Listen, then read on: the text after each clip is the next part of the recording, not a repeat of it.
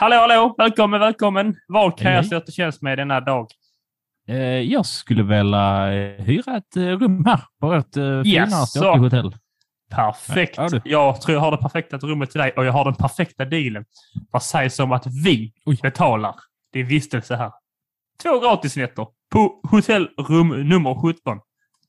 Andra våningen, Oj. utsikt över, över en bit skog. Oj, det var generöst. Det kan jag inte säga nej till. Nej, Tack så där mycket. är ett krux dock. Det kan vara så, jag har rätt kast minne va? Så det kan vara så att jag har gett den här bilen till någon annan bara för någon dag sedan. Så det kan vara att just i rum 17 att det redan bor någon där. Eller så att det kommer hem någon typ när du sover och sånt och säger och skäller på dig för du är i deras rum. Och då är du i deras rum faktiskt. För det är, det är deras rum. Eh, Okej, men kan jag inte få betala för ett rum där jag inte behöver dela rum eller eventuellt bli utslängd? Hmm, betal... Nej, nej, så sysslar inte vi med här. Men vet du vad du kan få? Du kan få chansen att uppgradera till ett adelsrum. Vad sägs om det? Oj, vad, vad får man då? Jo, då får du ju, vad heter då blir du ju riddare, du blir adlad, en adlig titel. Du kan få sitta vid det runda rummet, som vi kallar det. Eh, Och så, och så får du en bit mark. Du vet eh, det jag sa innan, att man kunde sluta en bit skog. Den skogen Ja. får du. Oj, En liten dunge. vad, Sex träd. Och en det, ekorre. en, det är sex träd fler än vad jag har. Ja. Eh, hur sen- mycket kostar det? att Det är också gratis, men sen gäller ju samma sak här. Det kan vara så att någon redan har det. Eh, den skogen. Kan det vara. Ja. Men det är... Okej, men vad, säger du som, vad säger du om det? Nej, men jag, chans, jag chansar på det. Nice. För, för att ställa en fråga. Hur, hur går pengar. du runt med, med detta ekonomiskt? Det är för att frågorna kostar pengar, sa jag precis. Du skyller mig 17 000. Ah, helvete.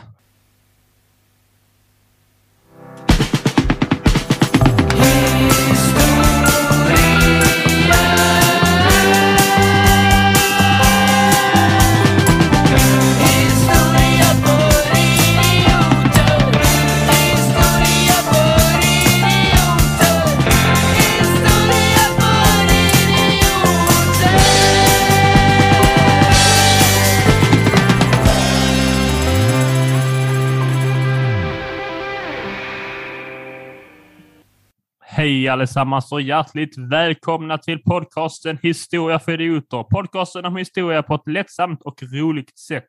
Och idag är återigen min kära kompanjon Alexander Riedel med mig.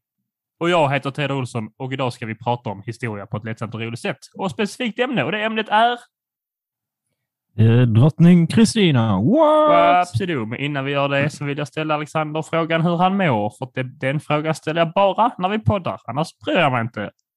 Yes. Eh, för tydlighetens skull så kan du säga att du, du bryr dig ändå inte, men det är bra content. Jag är och inte jättebra. Eller, ja, kanske. Det är Det, inte jättebra vi content. kommer in i samtalet. Det är lite som är Vi poängen. kommer in i samtalet. Eh, jag mår bra faktiskt. Jag håller fortfarande på att skriva mitt examensarbete så att jag var igår eh, på sånt handledarmöte. Gick ganska bra. Fick ganska mycket att Nice. pilla med. Så det är kul. Ingen vila, ingen ro. Arbet eh, är en bra sko. Eh, som Napoleon han sa. Ja. på väg att säga något eh, mycket värre om arbete. Ja, Det ger en, en inre frihet. ja. lite så. Hur, eh, hur mår du då? Jag Alltså, mår... mår. Eh, ser ut att må bra. Trevligt. Jag mår väl helt okej, eh, skulle jag säga. Just nu har jag både mycket och lite i skolan samtidigt. Jag har saker jag bör göra. Jag gör inte dem just nu. Eh, annars eh, funderar lite på om man kanske ska börja knapra sådana antidepp igen. Mest för skojs skull. Se vad som händer. Jag vet inte. Kanske blir jätteglad. Kanske. Nej. Eller, eller ännu bättre, du kanske blir trevlig. var jag det när jag gick på antidepp innan? Var jag trevlig då? Och sen slutade jag så blev jag...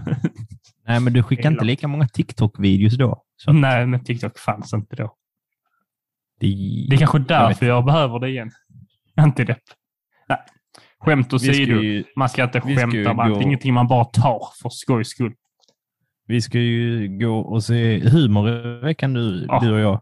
Det ska Så att när, när, när folket lyssnar på detta, då sitter vi och lyssnar på något annat. Men då får du din antidepp när vi ska gå och se stand-up. Så att, eh, det Det är är bra. fan sant. Det är det och eh, de säger det att man måste ju träna va, för att må bättre. Jag tränar en hel del så att, eh, tänk, tänk att oh vad dåligt jag hade mått om jag inte tränade. Jag tänker det nu också, nu när jag har börjat eh, träna så smått. Eller inte så smått, ganska regelbundet. Men inte jätteansträngande, lagom ansträngande. Och det är dagens PT-tips i träning för idioter.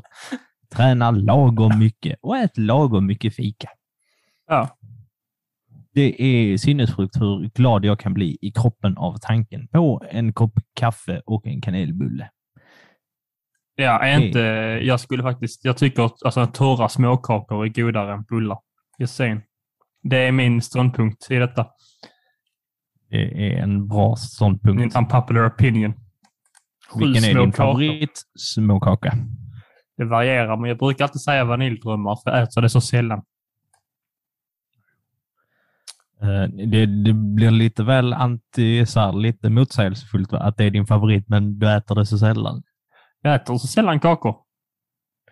För jag är fattig student. Jag har inte råd med kakor. Jag har bara råd med ananas Nej, och men potatis. antidepp. Det har han råd med. Inte ananas dyrt. Jag vet inte, jag bara sa att antidepp har jag inte råd med. Jag tar inte antidepp. Jag har faktiskt det. Får man ha det? Får man ha piller man inte använder liggande i skåpet bara sådär? Jag vet inte. Ja. Alltså ska jag ha möjligheten att bara kunna ta antidepp? För det, man kan inte bara ta det. Det måste ju trappas in och sånt. Men det ligger här i skåpet. Jag kan... Det känns egentligen som att bara inte staten hindrar mig för det, eller?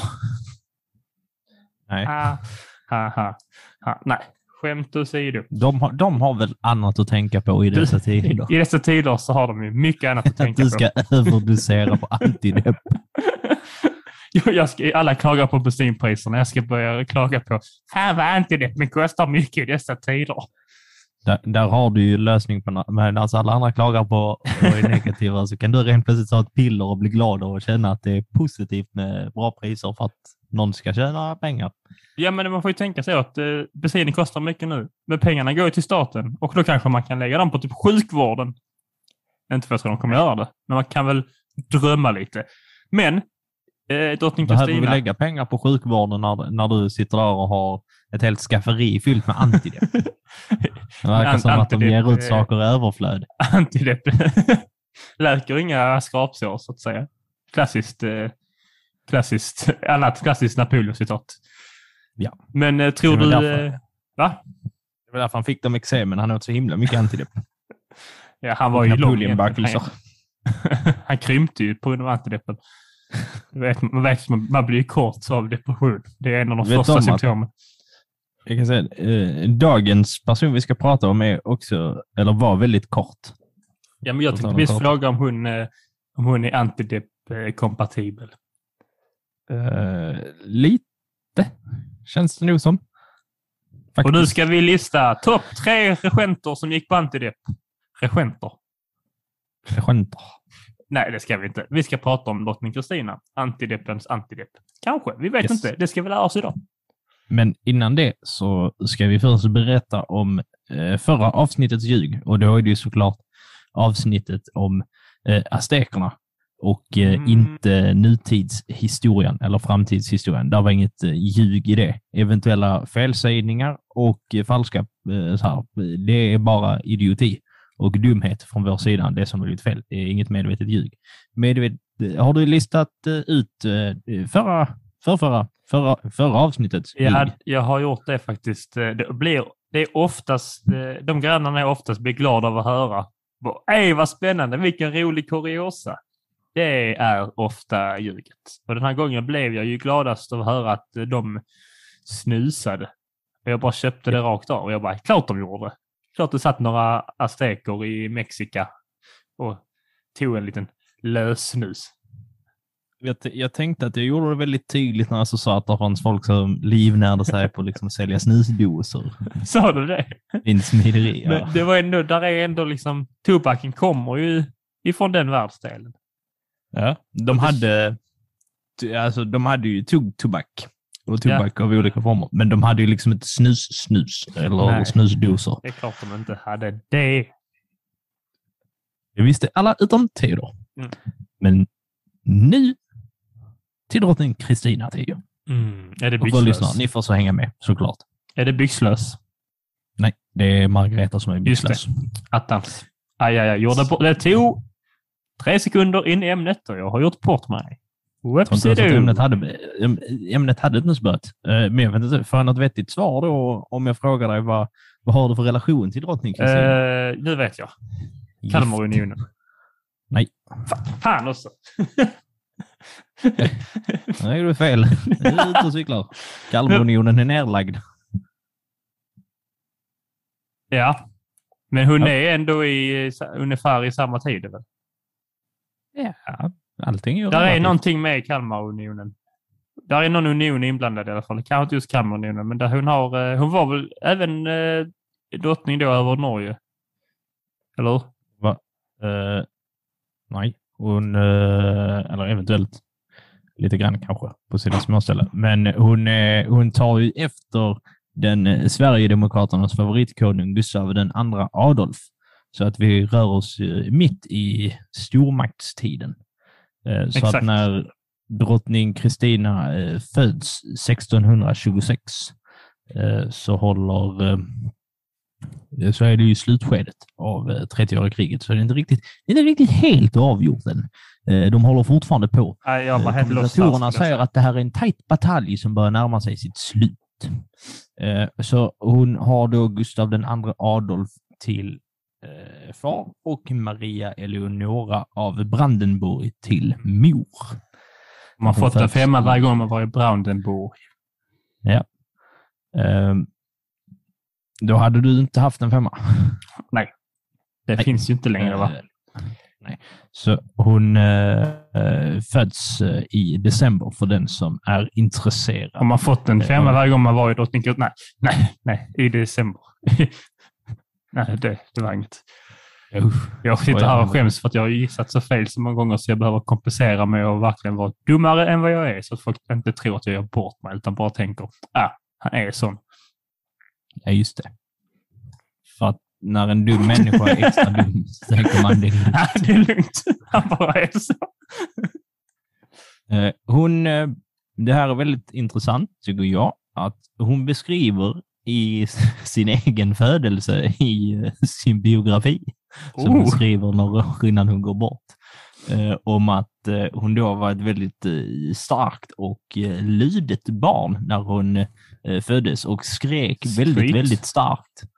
Eh, Så att eh, barnmorskan, eh, och de trodde att det hade fötts en liten gosse, Ja. men så var ju inte fallet. Och eh, det här kan man ju tänka att i mitten på, eller början på 1600-talet så är det ju någonting som regenterna gärna vill ha, små gossebarn. Ja. Eh, Så hur tror du att föräldrarna reagerar på det här då? Kick her to the curb. Eller? Det, det, det, är också ett uttryck. Sparka henne i kurvan. Curb. Det, det är så man säger med. De tänker att ah, nu får vi pöka igen, tänkte de. Mm, Så det det, blir- hade man eh, kunnat tro. Men att, eh, de, de hade tidigare fått eh, flera stycken missfall. Mhm. eller barn som dött liksom i barnasäng. Eh, mamma Maria Eleonora ska tydligen ha blivit besviken över att eh, det blev en dotter. De kände väl, eh, som många mödrar har känt genom historien, att det är lite deras fel. Eh, när Ja, jag trodde du skulle säga- sina- Jag trodde på riktigt du skulle säga att många mödrar har känt under tiden att de blev besvikna för att det kom en dotter. Jag bara tänker, vad fan är det du säger? Ja, men det har de ju i historien. Många... Jo, jo, jo. För att, ja, för att de, eh, det var liksom, man, männen ofta ville ha eh, pojkar som kunde ta över gårdar etc. Ja, precis. Eh, Men Gustav den andra Adolf ska eh, då såklart, eh, såklart, han var dock mindre besviken. Han var ganska nöjd och ska tydligen ha sagt att man kan ju faktiskt uppfostra det lilla flickebarnet som ett gossebarn ändå, så att hon får en, samma uppfostran som Ah. en son skulle ha Jag förstår. fått. För den som har läst Victoria Benediktsson så är det vanligt förekommande för flickor att vissa flickor föds och sen så får de en eh, manlig eh, uppfostran och det kan man ju tänka att det är kanske inte är jättebra psykiskt. Nej, när man gör sådär och låtsas lite som att det där är ingen flicka, det där är en pojke som har man boobs. och ingen penis. Eh, Men det är såklart problematiskt. Och eh, drottning Kristina får en ganska så tragisk eh, barndom. Innan vi kommer närmare in på det, så att eh, Gustav, han är ganska snabb på bollen. Så att eh, efter Kristinas födelse så for han iväg till Norrköping, tror jag det är. Eh, inte helt eh, säker, där han eh, pratar med ett litet råd om arvsrätt och liknande och bestämmer och utnämner att Kristina är liksom hans eh, arvinge oavsett det. vad. Och, och detta gör han då alltså redan eh, på våren 1627 så att hon hinner knappt komma ut innan han for iväg och säga att det där är arvingen oavsett vad. Eh, och det är ju såklart för att eh, behålla makten inom familjen. Vanligt Självklart. knep inom kungamakten. Det är det eller gifta sig med sin kusin. Japp. Och ibland både och. Ja, ja, faktiskt. Det brukar komma hand i hand. Och hur går det då eh, för fader Gustav? Ja, han, eh, han får inte vara så jättenärvarande i Kristinas uppväxt, utan han dör i slaget vid Lützen Ah, just det. 1632. Eh, Så att då är ju hon ju ungefär sex år gammal. Det finns en rolig hipp-hipp-sketch, eh, tror jag, där Itzhak ska visa hur det gick till där. Jag tror det är slaget vid Lützen han ska visa. Jag tror det också. Där han sitter, står och förolämpar en tysk. Det är väldigt roligt. Det- Det, det kan ni ju googla och kolla på efter ni har lyssnat på det här, så har ni hela den historiska kontexten eh, inte alls med er, för vi pratar inte om slaget vid Lützen mer än så. Nej, men det är bara ett litet tips. Men ni kan se det som en prequel. eh, eh, modern, Maria Eleonora, anses att eh, vara lite, jag vet inte vad man ska säga, nervig, neurotisk kanske. Mm. Inte riktigt mammamaterial. Nej, När hon vem är du för att hon har det? det. Eh, det är inte jag som har avgjort det. Nej. Det, det gjorde statsrådet. Okej. Eh, men hon kommer då till, så här, för att hon eh, kommer från Pommern från början tror jag, eller något tysktalande område. Men, ja. Så att hon har varit där och då när Gustav dör så kommer hon tillbaks till Sverige och ska då ta hand om drottning Kristina, eller Kristina som hon bara heter då. Ja. Eh, och eh, då bedömer man att så nej, det här kommer nog inte funka. Så 1634 så beslutar riksdagen att Kristina ska eh, fostras med en förmyndare. Eller så här, av en förmyndare som de då utser.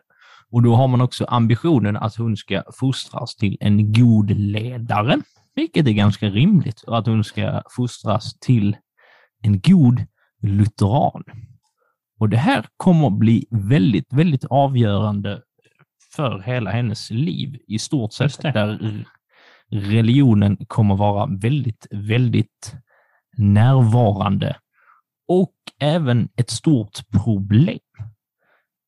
Jag har en liten så teori om det här valet om att ge henne en förmyndare. Man kan ju tänka att eh, riksdagen har sett en möjlighet till att få med sig det lilla flickebarnet eh, som vid den här tiden är blott sex år gammalt, att de kan ju fostra en regent liksom, eh, ja, som de vill. Eh, och att de därför kanske försöker spela bort eh, mamman ur bilden. Hon kanske var, alltså det kan ju också vara så, att hon var dåligt lämpad ur ett psykiskt tillstånd från att faktiskt kunna göra jobbet så att säga. Det låter jag vara otalat, men där finns ju också en möjlighet att man skulle kunna tänka sig att de har knuffat bort henne lite ur bilden för att kunna fostra en regent som sen i det längden ska gynna dem. Just det. Det är inte rätt... Eh. Eh, det vad heter det, otippat egentligen. Det kan ju mycket väl vara så. Eh, Jag, jag tänker att det nog kan vara så. Det blir i alla fall en eh, falskgreve som heter Katarina som får ta hand om Kristina. Eh, detta får hon dock inte göra speciellt länge, utan eh, eh, Katarina dör eh, 1638. Så hittills kan man ju säga att det är en ganska ensam eh, barndom som Kristina har. Det Eh, låter verkligen som det. Alla bara dör eller blir borttagna från henne. Ja. Eh, Så att eh, hennes uppv- uppväxt, uppväxt, eh, den, där är en total avsaknad av lek och till stor del kärlek genom den. Och, Och det vet vi alla. såklart- Det blir en bra unge av det. Ja, Vem behöver eh, kärlek och lek när man kan... Jag vet, vad gör man då? Sitter hon på sitt rum och lär sig läsa antagligen? eh, väldigt mycket hon kommer, det kommer vi in på här alldeles strax. Eh, hon var väldigt duktig på att läsa och eh, språkbegåvad. Eh, men utbildningen blir ju det som hon eh, främst eh, sysslar med under sin uppväxt. Hon blir undervisad av en man som heter Johannes Gutus, Jaså? eh, s- som då är utsedd av Gustav II Adolf. Och jag misstänker att det här är uppgjort eh, långt innan. Så jag tror inte det är så att Gustav II Adolf kommunicerar via döden på ett häftigt eh, så här jedi Star Wars-sätt. Utan jag tror att han har Men bestämt det känns som att han här Gotus kunde mycket väl sagt det. Att eftersom att jag är så eh, upplyst och så lärd så kan jag också tala med de döda. Din far sa till mig att jag ska lära dig allt jag kan i en liten kammare tills du fyller eh, 15. Kunde han mycket Ja. väl sagt. Det, Det, det hade han faktiskt mycket väl kunnat Det eh, kan vara säga. Det känns som att eh, under den här tiden så har ju eh, kyrkomakten det är fortfarande väldigt närvarande, men det har kanske inte det inflytandet. Och i och med att vi väl har du som är duktig på filosofer och liknande, så har vi väl kommit in till något form av lite mer kritiskt eh, naturvetenskapligt inriktat stadie. Ja, vi är väl hyfsat... När är det inte... Jo, jag är riktigt snurrig nu med alla åter och sånt. Det blir så när man studerar och man måste hoppa över eller så. Nu, eh, jag har bara andra världskriget och 20-talet i huvudet nu, men det är väl 1600 och 1700-tal som Ja. eh, det börjar bli mer upplysningen börjar ta fart. Liksom. Precis. Eh, eh, eh Kristina blir i alla fall väldigt duktig i språk. Hon eh, talar och eh, läser och skriver bland annat eh, latin, franska, tyska, holländska, italienska, spanska och Hör på denna fräckisen, hittar på ett rövarspråk själv som bara hon kan kommunicera och skriva hemligheter med. Är det det Mhm. rövarspråket man lär sig i tvåan nu? Det är man, vad är det man lägger till A bakom varje konsonant? Mycket möjligt. det Gjorde inte du det? Nej, Vadå, Nej, jag hade kompisar till Nej, det hade jag. Nej, då hade de ju gjort det med dig. Det är det som Nej, var just problemet. det. Jag hade ingen kompisar. Du, ingen lärde dig detta. Det var väl typ att det är skitsvårt att säga med ditt namn tror jag. Men det blir ju Alex, så blir det alla, alla, a, x, a, a. Något sånt skit. Det är, a. Typ, jag vet inte. Det, det bara. Ja, det bara, ja, det är bara a. Och hon bara, Jag tror det han så rövarspråket gick till. Åh, Ja. och det kom hon på alltså? Ja. Ja, Kanske. Vilken fräsig krutgumma. Eh, hon var även eh, inte jätteförtjust i alkohol. Hon tyckte det var lite, lite överflödigt, lite onödigt. Eh, hon var också väldigt eh, kortvuxen. Eh, fick jag lära mig av en slump eh, på Twitter, vilket inte är en jättebra källa. Men det var någon, tydligen så i någon form av eh, kyrka eller slott så finns det ett eh, så här plakat där det, där det står så här utmätt längden på olika kungar och där stod att hon var 1,55 lång. Så att det var en kort liten dam. Jag vet inte. Kanske, det är kanske är någon som har sysslat med propaganda där. Ja. Som gjort den. Jag vet inte. Nej, vi får ta det. Men ja, 1,50. Är det kort? Ja, det är det väl. Oh, det är väl inte jättelångt heller. Nej. Jag kan tänka mig att det är Det typ... beror Och vad man jämför med, ett, om det är ett hus på 17 meter, det är det ganska kort. Då är det ganska kort, ja. Men en myra är mycket mindre än henne. Då får man gå och huka sig. Ja. Eh, nej, men världen är ändå inte byggd för långa människor, så det är lugnt för henne. Är hon lite som, uh, konstig referens, men uh, Viktors mussa, Carola, mussa. Jag kan tänka mig att hon är 55. Ja, Referens. Men det är ändå shoutout Carola. Vet du vad som är roligt? Här? Tänk om vi bara blipar nu så, att alla, eh, så har vi det som i serie. Vem är, vems mamma är det som är 1,55 lång? What? Just det. Kan ni sitta och undra över? Det är veckans ljug. mysterie. Det är veckans ljug. Carola är 1,56. Hon blir också lärd i statsangelägenheter av Oj. självaste Axel Oxenstierna. Oj, Oh. oj, oj, oj, oj. Men stadsanlägenheter. Angelägenheter. Angelägenheter. Alltså inte- alltså så, inte som i stad, utan som är mer styrande då inte.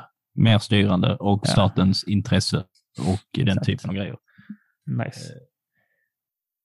när hon blir eh, myndig så går hon ganska snabbt in i eh, den här eh, maktpositionen. Hon har inte, hon har inte jättemycket annat för sig. Uh, alltså, Det är väl det hon Nej, det- utbildat sig för i hela sitt liv. jo, det är det jag menar. Men alltså, så, man kan ju tänka Hon inte mycket annat gör. Alltså hon, hade inte, hon hade inte behövt gå rätt in i hetluften. Eh, där möts hon direkt av en opposition eh, där präster och borgare tycker väldigt illa om adeln. Och eh, Mhm. bönderna är som vanligt, de är lite sura på skatten. Och där finns Klassiker. ingen sammanhållning alls emellan stånden, utan de bråkar ganska så mycket med varandra och tycker att de andra är meningslösa och får för mycket fördelar eh, jämfört med de andra. Så prästerna tycker att adeln får för mycket fördelar, adeln tycker att prästerna får för mycket fördelar och bönderna säger ja, vi vill bara ha ett drägligt liv och där kanske de andra stånden enas och säger så här, tyst med er pöbelsbarn. Ingen bryr sig om Lite, er. lite så kanske. Men när eh, hon eh, inte liksom håller på att eh, regera, det kanske vi ska säga, för det kommer att bli väldigt viktigt sen. Eh, hon är väldigt eh, konst och litteraturintresserad, drottning Kristin, så hon har en väldigt stor boksamling. Och hon skickar jaså. ut ett par män över hela kontinenten till att samla på sig böcker och föra tillbaks till Stockholm, till hennes eget eh, bibliotek. Och så kan de även få passa på att köpa med sig lite konst. Nu räknar jag ju förvisso böcker som konst, men Mm, eh, klart jag. konst i form av statyer och tavlor och eh, liknande. Är eh, TikTok-videos också konst? Vi går vidare. ja, men du Eh. tänker böcker är konst och eh, alltså, ja, någon form av utskriven eh, media är då alltså konst. Då borde ju rent teoretiskt TikTok också kunna vara konst. ja, Ja, det, ja, det är ju ett form av konstuttryck. Precis som, i- precis som att reality-tv också skulle kunna sägas vara någon form av konstuttryck. Sen finns det alltid en debatt om vad som är bra och gynnsam konst och vad som är skräp. Och Ja. när det gäller reality-tv så står jag på skräpsidan. För att Ibland jag är också- mentalt 92 år gammal. Nej, fast reality-tv är också... Jag, jag tycker det kan vara ganska kul att titta på, men man tittar på med vetskapen om att nu tittar jag på skräp och det ger mig absolut ingenting. Men man kanske också bara ska göra saker. Man behöver inte alltid vinna, liksom. vinna saker på det man gör. Om man lyssnar på skräppoddar om historia Exakt. så hoppas Fast man här dem att de vinner man att, dock alltid någonting. Man lär sig alltid Jag någonting nytt, tror jag. Faktiskt. Till exempel att eh, Alexander tycker att TikTok är skräp. Vad är det för konst hon tog med sig hem då? Drottning Kristina. Det pratade vi nyss om. Böcker och lite statyer och men vad är det för... Ja, är det någon specifik bok, någon specifik författare hon var Nej, lite allt möjligt. Ja. Lite allt möjligt. Hon Mina läckbar, tog nog vad hon eh, kunde få över. Eh, Däremot eh, så övertar hon liksom regeringen 1644. Och här börjar saker gå lite utför, skulle man kanske kunna säga, för Kristina. Lite dåliga beslut. Hon är väldigt gynnsam mot adeln. Och det här krigsbytet som man har fått med sig från 30-åriga kriget, det passar hon på att så här, dela ut till adelsmännen. Eh, så att de redan väldigt förmögna får, eh, blir ännu mer förmögna. Så att hon är tvärtom Robin Hood, så att säga. Och det här retar upp en hel del. och då är det ju säkert många som känner, oj, jag skulle jättegärna vilja vara en adelsman. Och då känner Kristina, det kan du nog få bli. Mm, Så att eh, det, hon börjar utse eh, ny adel till höger och vänster. Eh, totalt så dubblar hon antalet liksom, adelsfamiljer eh, under sin eh, period som regent. Så att nu, då uppstiger det upp till 600 adelsfamiljer. Eh, hon Vad var det för kriterielista på det? Alltså, det var ju så att det bara vem som det har- helst. Måste ju ändå ha med någon Nej, men- förmögenhet att göra ju. Ja, och, och äga, alltså äga mark. Ägande, ja, men det tillhör väl i förmögenhet också. Ja. Att man äger mark liksom. Och, men det, Jo, fast bara för att du är rik så äger du inte mark. Nej, men man kan väl vara rik. Och så kan man vara Ja. fattig men äga mark och då är man också på ett sätt rik. Ja. Exakt. Kan vi debattera länge detta. brukar jag och Alexander göra på kvällarna. Sitta och skriva på Snapchat om definitionen av markägande. Och sen brukar Theo skicka en rolig TikTok-video där någon trillar och slår sig. Och då är det Väldigt dags att sällan. säga godnatt. Du, Väldigt. sist jag skickade TikTok var det, var det faktiskt på Andrew Garfield när han pratar om sin döda mussa. Du, så att, eh, Nu, ja, men nog om det. Vi har mycket att gå igenom och prata om. Eh, hon eh, utökar också antalet greveätter från 13 stycken till 68. Oj. Vilket såklart är väldigt många. Eh, marken delar hon ut till höger och vänster. Så att vid ett tillfälle så ägs liksom, alltså halv, typ halva markytan av Sverige ägs av någon i alla fall. Eh, vilket eh, är ganska mycket mark om man tänker på om de är 600 adelsfamiljer och så äga halva ytan, Sveriges yta. Och då får man också tänka att Sveriges yta nu är större, Sveriges yta då mm, var mycket större än vad den är nu. nu. Precis. Eh, Så att det är väldigt mycket Wow. mark. Wow. Eh, Kan man säga att det är typ Finlands yta? Kan man säga att det är halva, halva Sverige då? Jag, jag, jag vet faktiskt inte. För din, du kanske, du vet ju inget om sånt. Du kanske tror att Finland är liksom lika stort som Cypern. Jag, n- nej, alltså jag tänker att Finland, typ- det känns som att det är jämnstort med Sverige. Kanske. Men eftersom att Ja. det tillhörde Sverige då, så blir Ja. det ju halva Sveriges. Om du nu Ja, jämfört med... Okej, ja. Okej, du tänkte, jag trodde du menar Aha. om, jag trodde du menar att om halva, att, hela Sverige då var, hel, var halva Finland nu.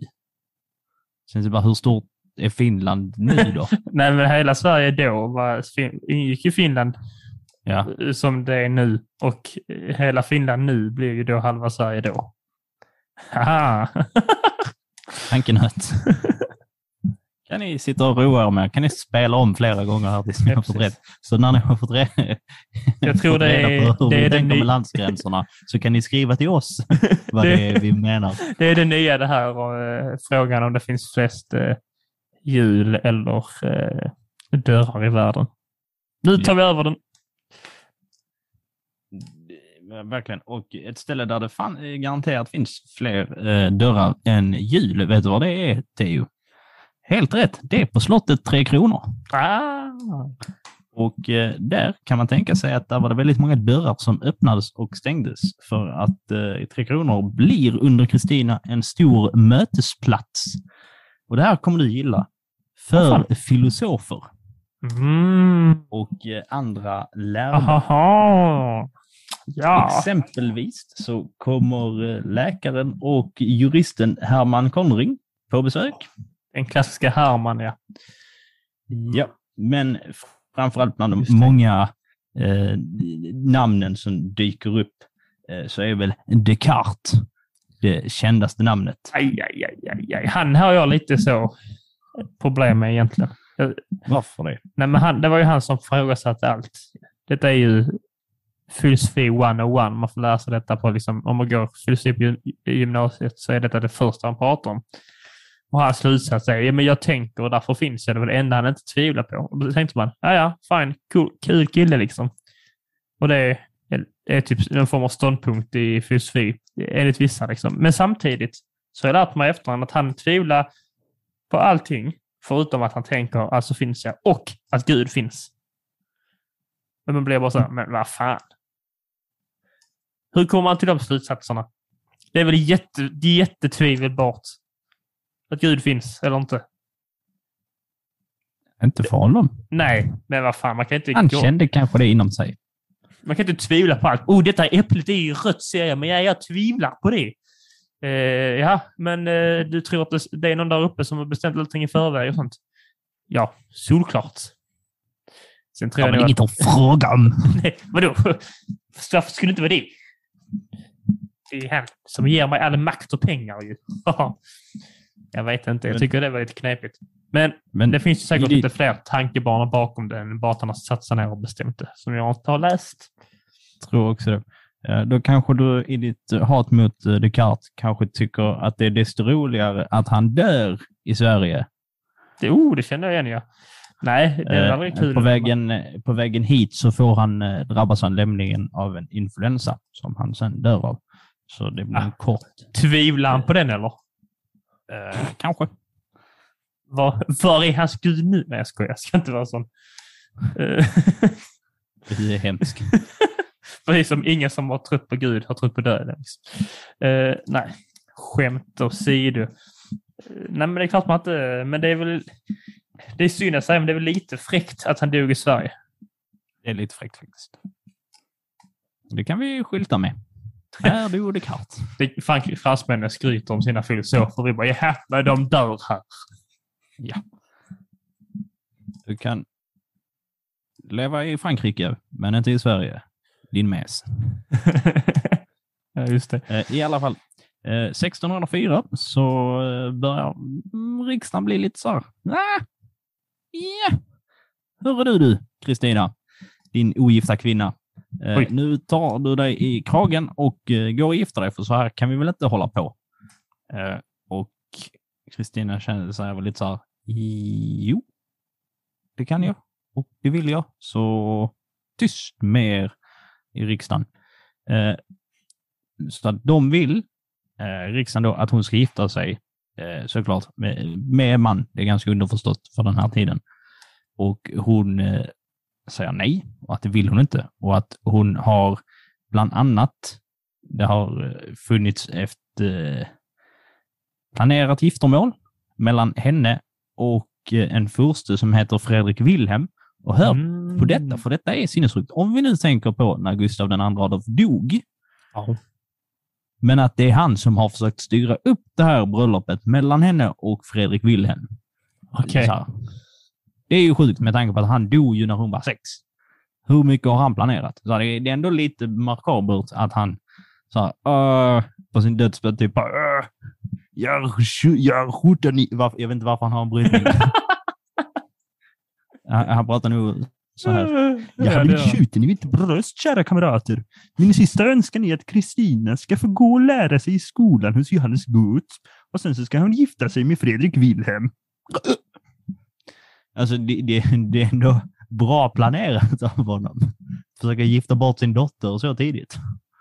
Eller börja leta Ja, det, kandidater. det gör man väl ganska direkt kanske? Eller jag tänker att man... Jo, jo, men man om vill ha tänkt det- att är det det man vill göra? Så här, för att om han dog när hon var sex, så han har gjort detta innan hon har fyllt sex. Och hur gammal var Fredrik Wilhelm då? Det vet jag inte. Förmodligen lika gammal. Eh, men det är ju Nej, konstigt. det alltså, kanske inte. Han kanske var liksom 18 då. Det kan mycket vara så. Mycket möjligt. Eh, men hon, med, hon meddelar i alla fall så här, eh, tack men nej tack, stopp min kropp. Eh, och hon eh, utnämner, nu ska vi säga alltså för Gustav den tionde till eh, tronföljare. Ska vi säga så det blir Gus... Ja, så är det Gustav den tionde. För det är han som tar över sen till, eh, till tronfölje. Eh. Däremot så får det ett nytt, eh, nytt problem i att han är också ogift. Och det gillas heller inte. Och man vill ju ha dem gifta för att såklart säkra upp tronföljden. Men det är en historia för en annan dag. Under 650-talet så råder det ganska så stor eh, oro. För att folket, de börjar bli trötta liksom så här, på adelns privilegier. Och eh, då undrar man så här, vad ska Kristina göra åt det här? Ingenting. Det är lite så här, "Mm, it is what it Mm. is. Ja, varför, varför skulle du göra någonting åt det? Eh, och det blir allt fler adelsmän eh, som kommer till. Och eh, det kommer till ungefär, en, alltså kommer till, låter som att de föds, men det utnämns, eller ska jag säga adlas, eh, en adelsman i veckan ungefär. Vilket är ganska så. Oh, nice. Och eh, hon börjar också dela ut olika gods, slott, herrgårdar, marker eh, på, alltså så här, som kronan har. Lite till höger och vänster. Eh, det var det här som vi skämtade om i introsketchen, det är att vid ett tillfälle så har hon gett bort så pass mycket mark att hon vet inte riktigt vad hon har gett bort till folk. Så att när hon ger bort saker eh, så får hon skriva typ gåvobrev där det är typ så här, ja alltså du kan få det här, men, där, så här, men det kanske redan är upptaget. Då har man för mycket saker. Ja. Hon skulle mått bra av att bli minim minimalist. Eh, japp, hon var snarare eh, eh, motsatsen. En hoarder. En hår- verkligen. det är så roligt ändå Ta, att tar du det? på Jag har så många grejer som är likadana. Och sen när det, gäller, det, måste, det måste ju ha hänt eftersom att någon måste ha påpekat detta och eftersom att det har införts de här gåvobreven. Så minst en gång måste ju en familj ha flyttat från en herrgård eller liknande till en annan herrgård och kommer dit. Och så, här, och så är det redan en familj. Och de så bara, vad är så här, hej, vä- välkomna till Jonssons. Vad gör ni här? Så bara, jo, vi är familjen Karlsson eh, och vi fick det här huset av Kristina. Vänta lite nu. Och sen blir det slagsmål. Ja. Men det sket väl hon i. Ja. Om de dödar, om de, en familj dödar den andra och så har hon fortfarande gett bort husen. Så huset används. löst. Eller hur? Eh, Jonsson och Karlsson är klassiska adelsnamn. ju. Eh, häxprocesserna under den här tiden är eh, ganska få under Kristinas eh, period. Hon eh, förbjuder dem till och med i provins, den tyska provinsen Bremen-Verden, som jag antar ligger där Bremen ligger idag, eller i de trakterna, så i Nordtyskland. Eh, och eh, det är det en svensk provins i Tyskland? Ja. Ja, Som sagt, detta är efter, Mm. eh, vad heter den? Stormaktstiden. Väst, ja, och västfaliska eh, Freden. freden. Eh, samma år, väldigt intensivt år, 1650, för eh, Kristina så börjar hon tröttna lite på den lutheranska läran. Hon känner att det här är ingenting för mig.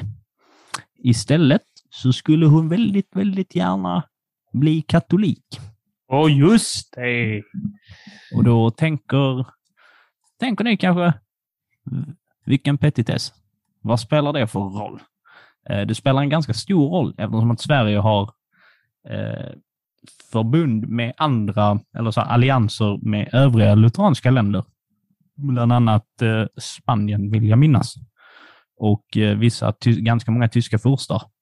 Eh, och då är det inte jättebra om överchefen byter till alltså så här, kaninöron, fienden, kaninöron, eller slut på kaninöron, fiendens sida. Fan, det blev fiende utan kanin. kanin. Ni fattar eh, med vad som menas med att de tycker att katolikerna då skulle vara fiender. Det är ju bråk mellan eh, protestanter och katoliker. Åker inte hon ner, träffar påven och har sig?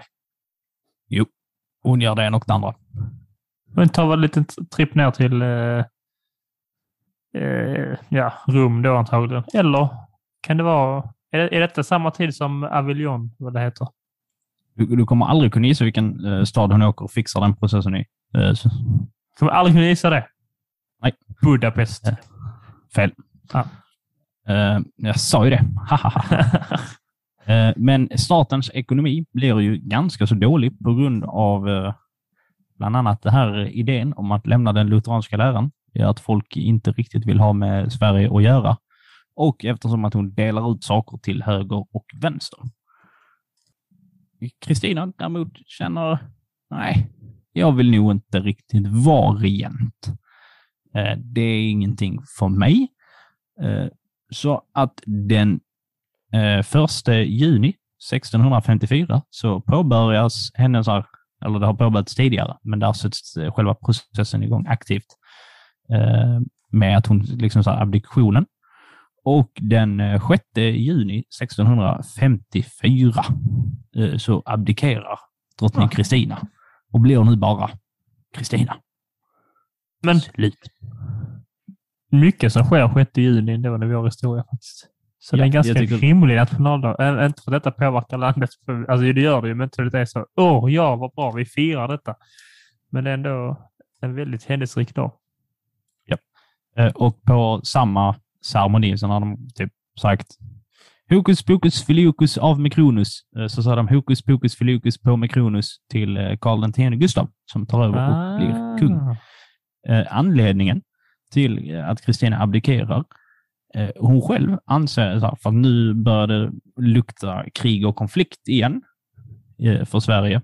Och Kristina själv säger att hon inte har kapaciteten att leda Sveriges arméer eftersom att hon är kvinna.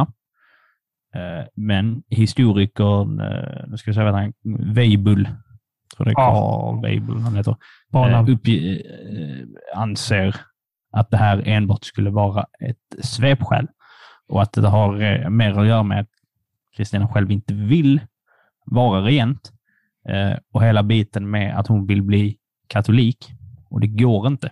Eh, alltså så här, att genomföra som regent i. Sverige.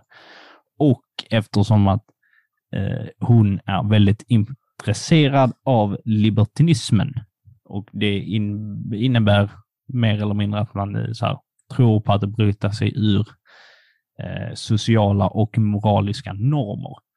Eh, och personer som tror på detta skulle idag beskrivas som lite så här utsvängande personligheter som lever lite sitt eget, Mm. går efter sin egen trumma. Just det. Eh, och eh, det går ju såklart inte riktigt att leva på det viset när man är en regent. Så jag tror väl att hon själv, ins- hon själv inser nog det. Och hon vill ju kunna leva sitt liv eh, efter sina egna förutsättningar, vilket är väldigt, väldigt rimligt. Eh, och hon vill såklart då utforska eh, den här möjligheten och då åka och göra detta med likasinnande lite söderut på kontinenten. Och då åker hon till Sevilla. Nej, Jag ska spotta ut städer. Uh, okay. Nej, fan. Men det är vi är i Europa i alla fall. Så eh, först så åker hon till... Nej, det gör hon inte alls. Eh, Düsseldorf. Först så får hon lite så här underhållsländer, som det heter, fast det är städer. Eh, vilket är att vissa så här marker, så här, för att även om hon har abdikerat så har hon fortfarande rätt att uppehålla lite så här ideal och livsstil. Så det är inte så att man bara kastar ut henne ur Hon är slottet. fortfarande bara, kunglig eh, på ett ja. sätt. Fast utan den kungliga makten. Hon är fortfarande liksom barn Ja. till Gustav den andra. Så då blir, Ja. får man väl säkert lite privilegier kvar där utöver en, en krona på huvudet så att säga.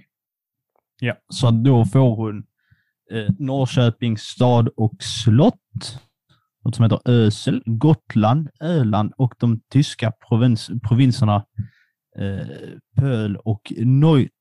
Pöl? Ja. Ja, jag och bor i Polen. Wolgast. Volgast? Och Oh. eh, Ligger det det vid... är tyskt, det är ju inte polskt. Volgast? Mm, just det. Okej. Var ligger det då? Ligger det vid floden Volga? Det känns inte rätt. Eller? Jag vet inte hur tyskan... Hur ingen aning om var Wolgast ligger. Nej. Jag har inte hört Jag talas om det. Wolgast förrän jag läste det i researchen till detta. Och då tänkte Nej. jag, han kommer inte fråga var Wolgast ligger. jag vill veta var Skit. Volgast ligger. Det finns ju Volgasjön, men den ligger inte i Tyskland. Nej. Nuvarande Eh, Tyskland i- i alla fall. Eh, de här, så här orterna, städerna har hon liksom tillgång till och bo i, leva i. Sådär. Eh, alltså då antar jag att det är liksom i form av eh, herrgårdar och liknande liksom hus. Där det är så här, du kan gå och göra din grej där borta. Eh, och det får hon lov att göra fram tills eh, hon dör. Och vid eventuell, roligt att de har benämnt det som vid eventuell död, precis som så här, så här, om, du, här, om du är odödlig får du behålla detta hur länge du vill. Men vid eventuell död eh, så går det tillbaks till eh, svenska kronan. Jag trodde du och- hade... Ja, Okej, jag trodde det var att de hade skrivit i historieböckerna att hennes e- eventuella död, de behandlar henne typ som vi- vissa behandlar Elvis. Nej.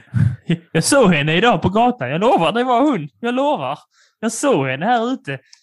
Ser precis ut som henne. Hon var rödhårig och hade fula kläder. Jag såg det. Det finns bara en sån. Och det är vår Kristina det. Det är, det är min Kristina det. Eh, eh, ja, och hon får heller inte sälja vidare den här marken till någon. Eller i Kristinas fall ge bort gratis tydligen. Okej, nej, nej.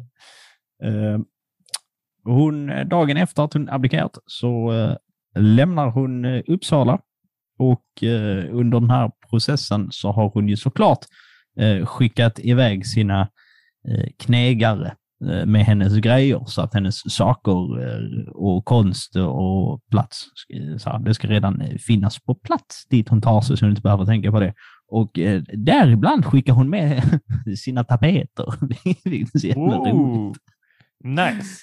Ja, då har man ju jävligt bra tapeter. Men tapeter kan tänka mig var pissedyrt på den tiden.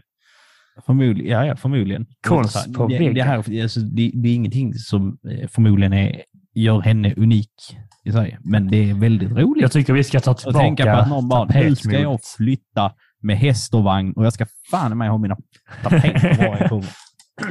Ta, varje gång hon byter hem, ta med på tapeterna. Japp. Ah, Vi måste ta tillbaka tapetmodet ändå. Allting ska bara vara vitt nu för tiden. Det har varit fint med lite, lite speciella tapeter med lite blommor och fåglar och annat. Det är trevligt, lite liv.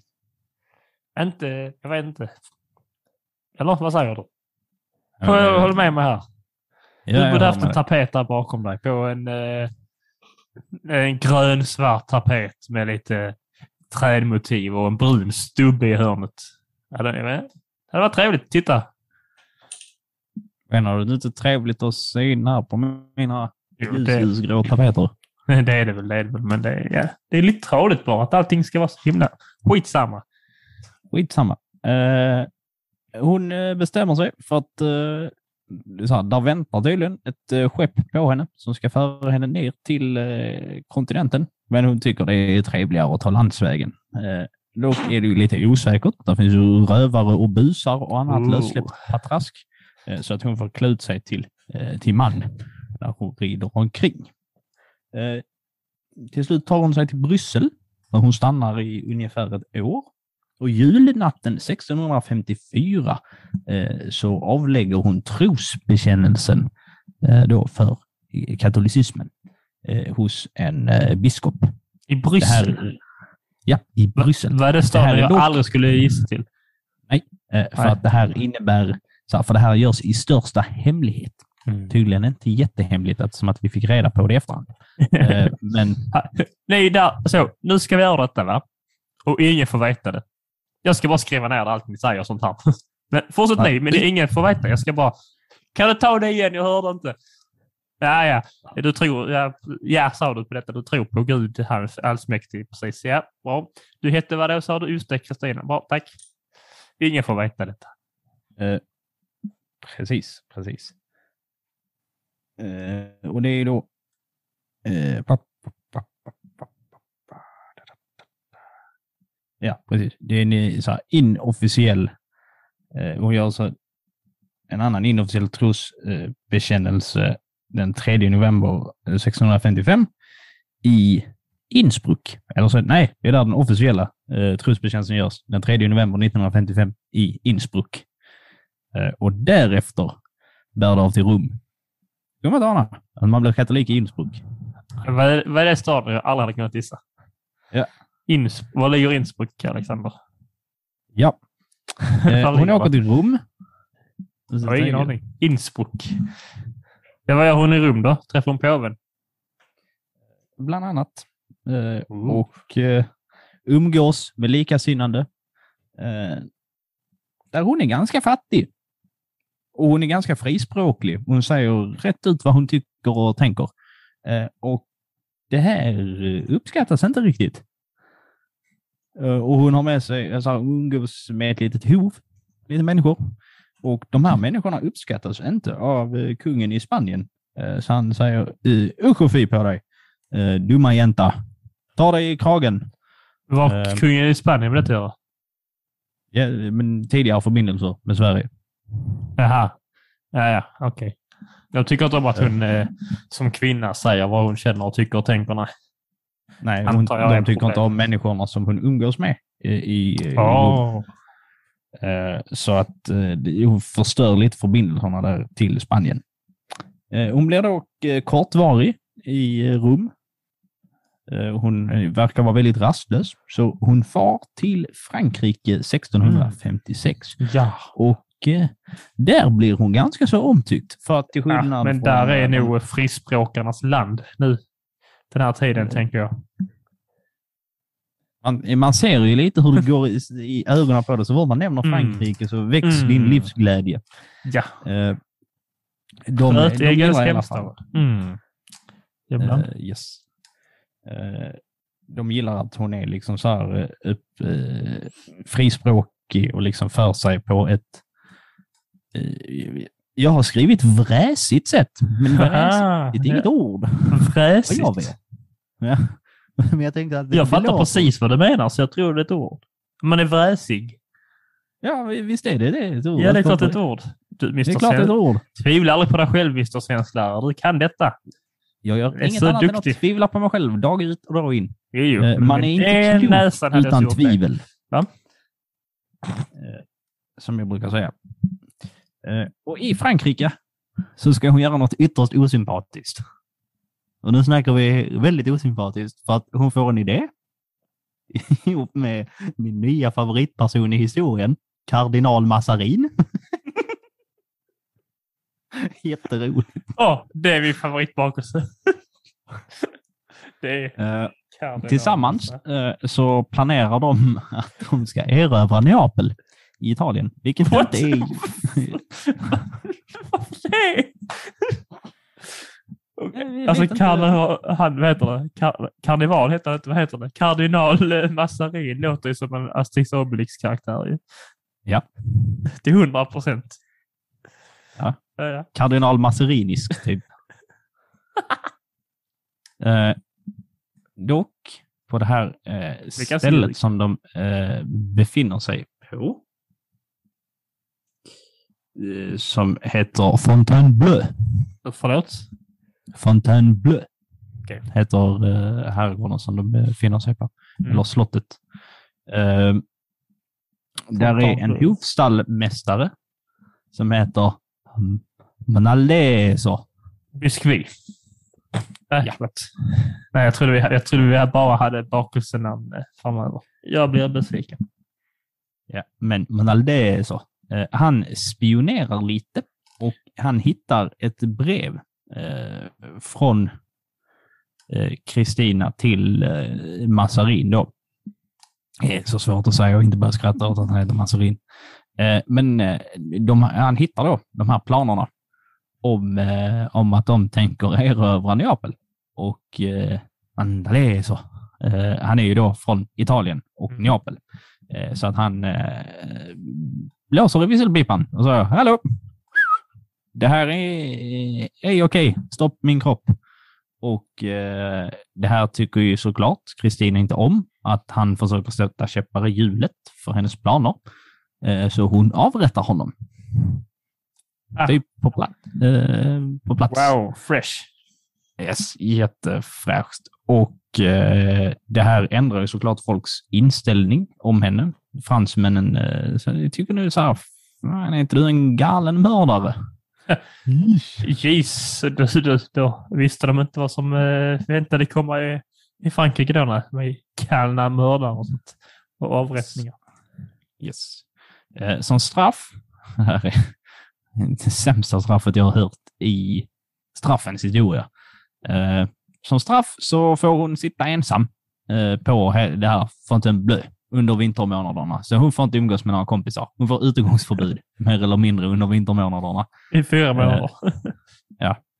Och eh, man har då hittat ett eh, brev eh, från henne till eh, Massarin. Där, eh, där man kan säga inte jättesympatiskt. Eh, eh, hon ångrar inte sina handlingar.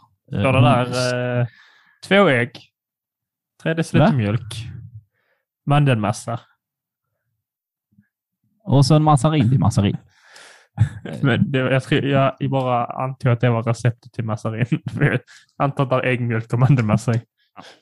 Eh, mycket möjligt. Jag vet inte. Eh, hon skriver i alla fall så här. Om jag icke redan utfört handlingen skulle jag sätta den i verket nu i afton, innan jag går till sängs. Jag har ingen orsak att ångra vad jag gjort, men väl hundratusen skäl att vara nöjd med. Jag finner det betydligt lättare att hugga huvudet av folk än att frukta dem. Woo! Det är en bild eh, som man känner att det här har vi Mm. inte riktigt sett innan av dig, Kristin. Nej, detta kändes lite så. Det tog en liten sväng från ingenstans där. Så, ja. What Det är väldigt mörkt. äh. Det åkte väldigt fort.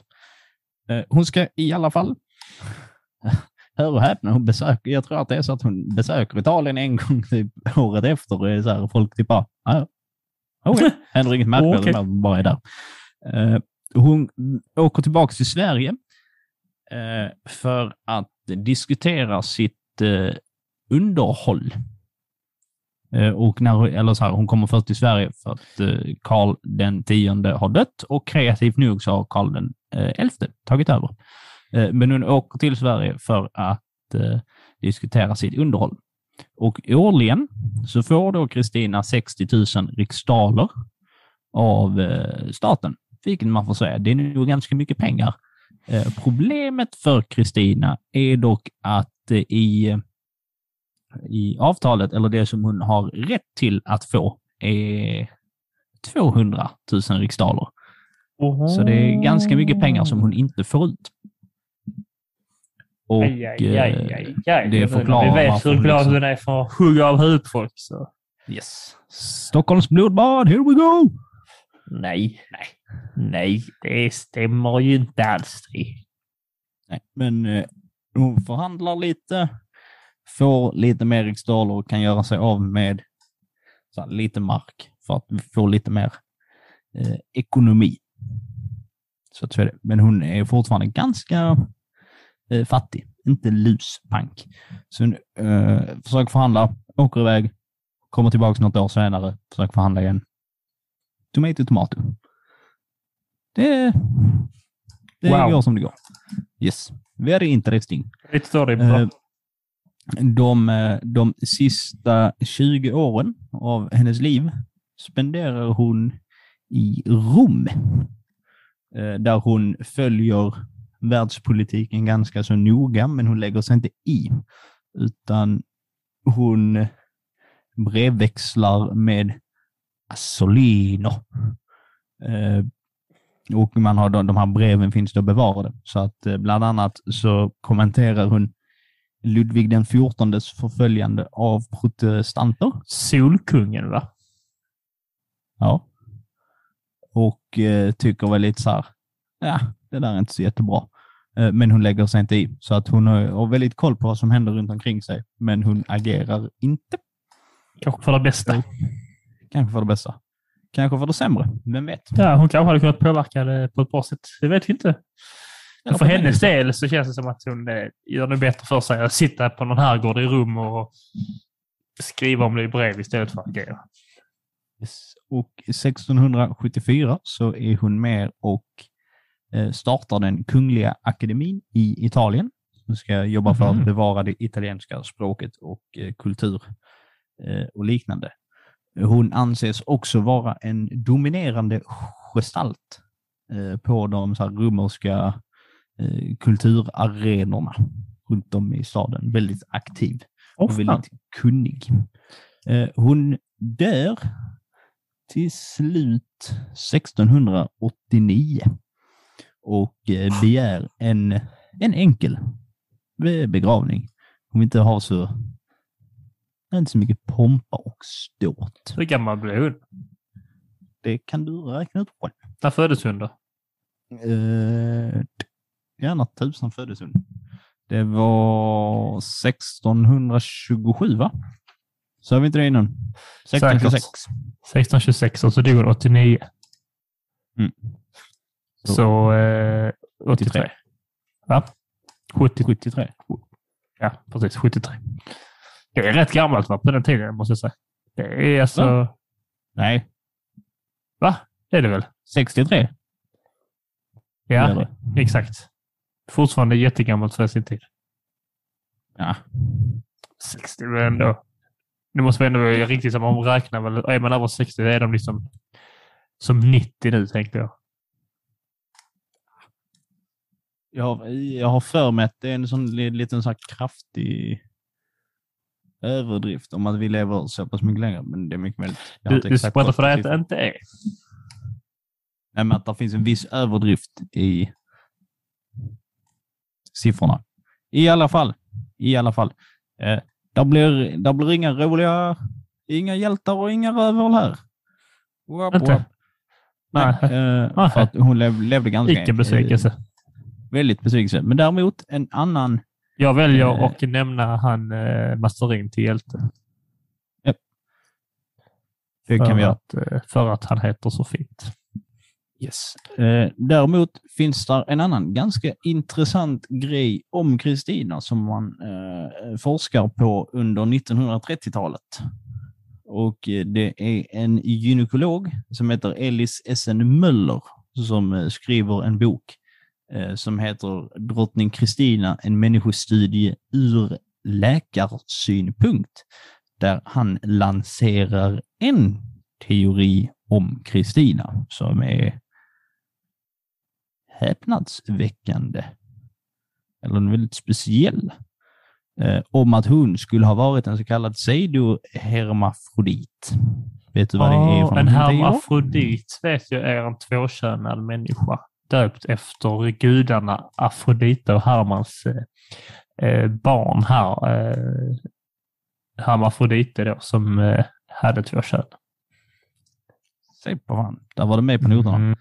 Eh, Och en pseudohermafrodit är en individ som har normala yttre genitalier för sitt kön, men en avvikande eh, hormonsammansättning.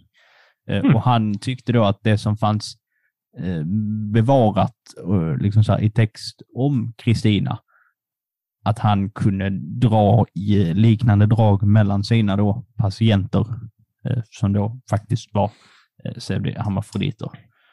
Och eh, Spännande. Ja, och den här teorin har sen också eh, bekräftats lite, eller popularis populariserats genom eh, Sven Stolpe med hjälp av hennes äktenskapsvägran. Eh, och att det kunde liksom så här, eh, på, vara på grund av en sexuell eh, neuros eh, som då skulle ha kunnat eh, hänvisa till insikten om eh, sin egen abnormitet. Det är hans ord, inte mina ord. Eh, Sexuell neuros låter ju... Eh, vad fan betyder det liksom? Hans ord. Eh, Vad menar han med det? Är det liksom så? Ja, Alltså en neuros, alltså det måste ju ha med tankar att göra. Ja. Så sex, hennes sexuella tankar som hon då eh, som hon ansåg möjligtvis var fel på den tiden då. Menar han att hon eventuellt då var homosexuell? Eventuellt. Eller inte alls, eller asexuell, eller alltså inte alls.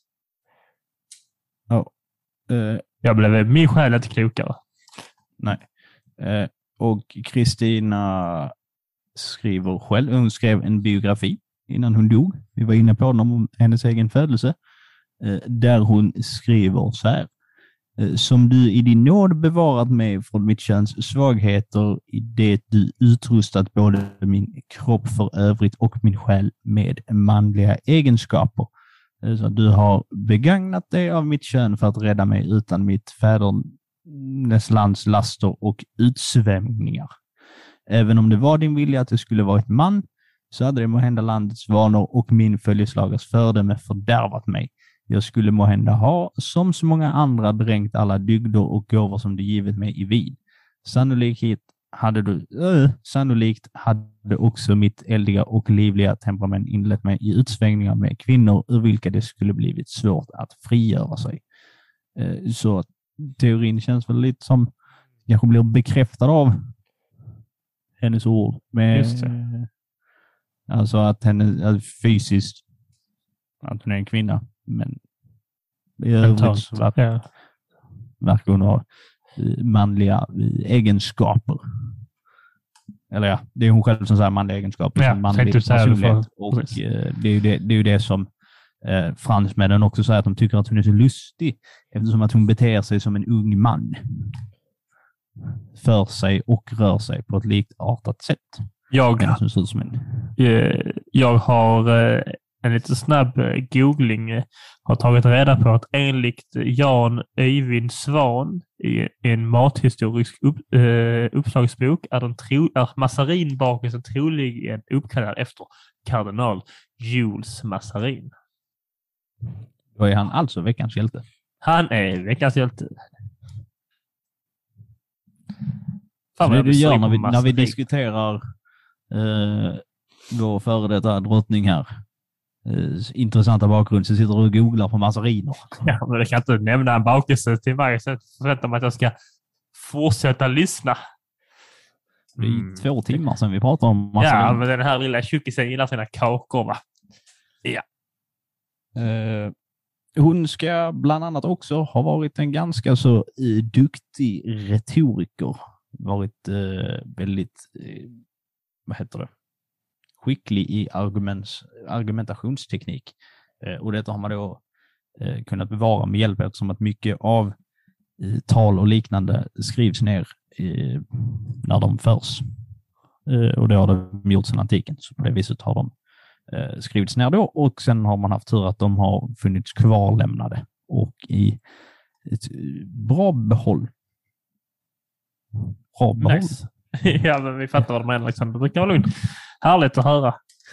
Veckans ljug är jag nyfiken på. Jag trodde det skulle vara massa grejer, men nu vet jag att äntligen så har jag, har jag liksom känt, ah, vad kul! Och så var det sant.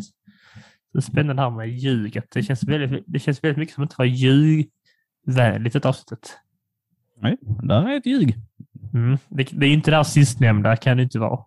Eh, om det hennes eh, sexuella neuroser som eh, den här människan kallade. Det känns ju väldigt outdated att använda uttrycket sexuell neuros. Det är väl pedofili i så fall som skulle vara det. Eller? Precis. Din tanke om pedofili, Alexander, nu? Du har två minuter Eh, på Det är dig. inte bra. Bra svar. Jag håller helt med. Eh, annars så känns det som att sexuella neuroser, alltså, ja.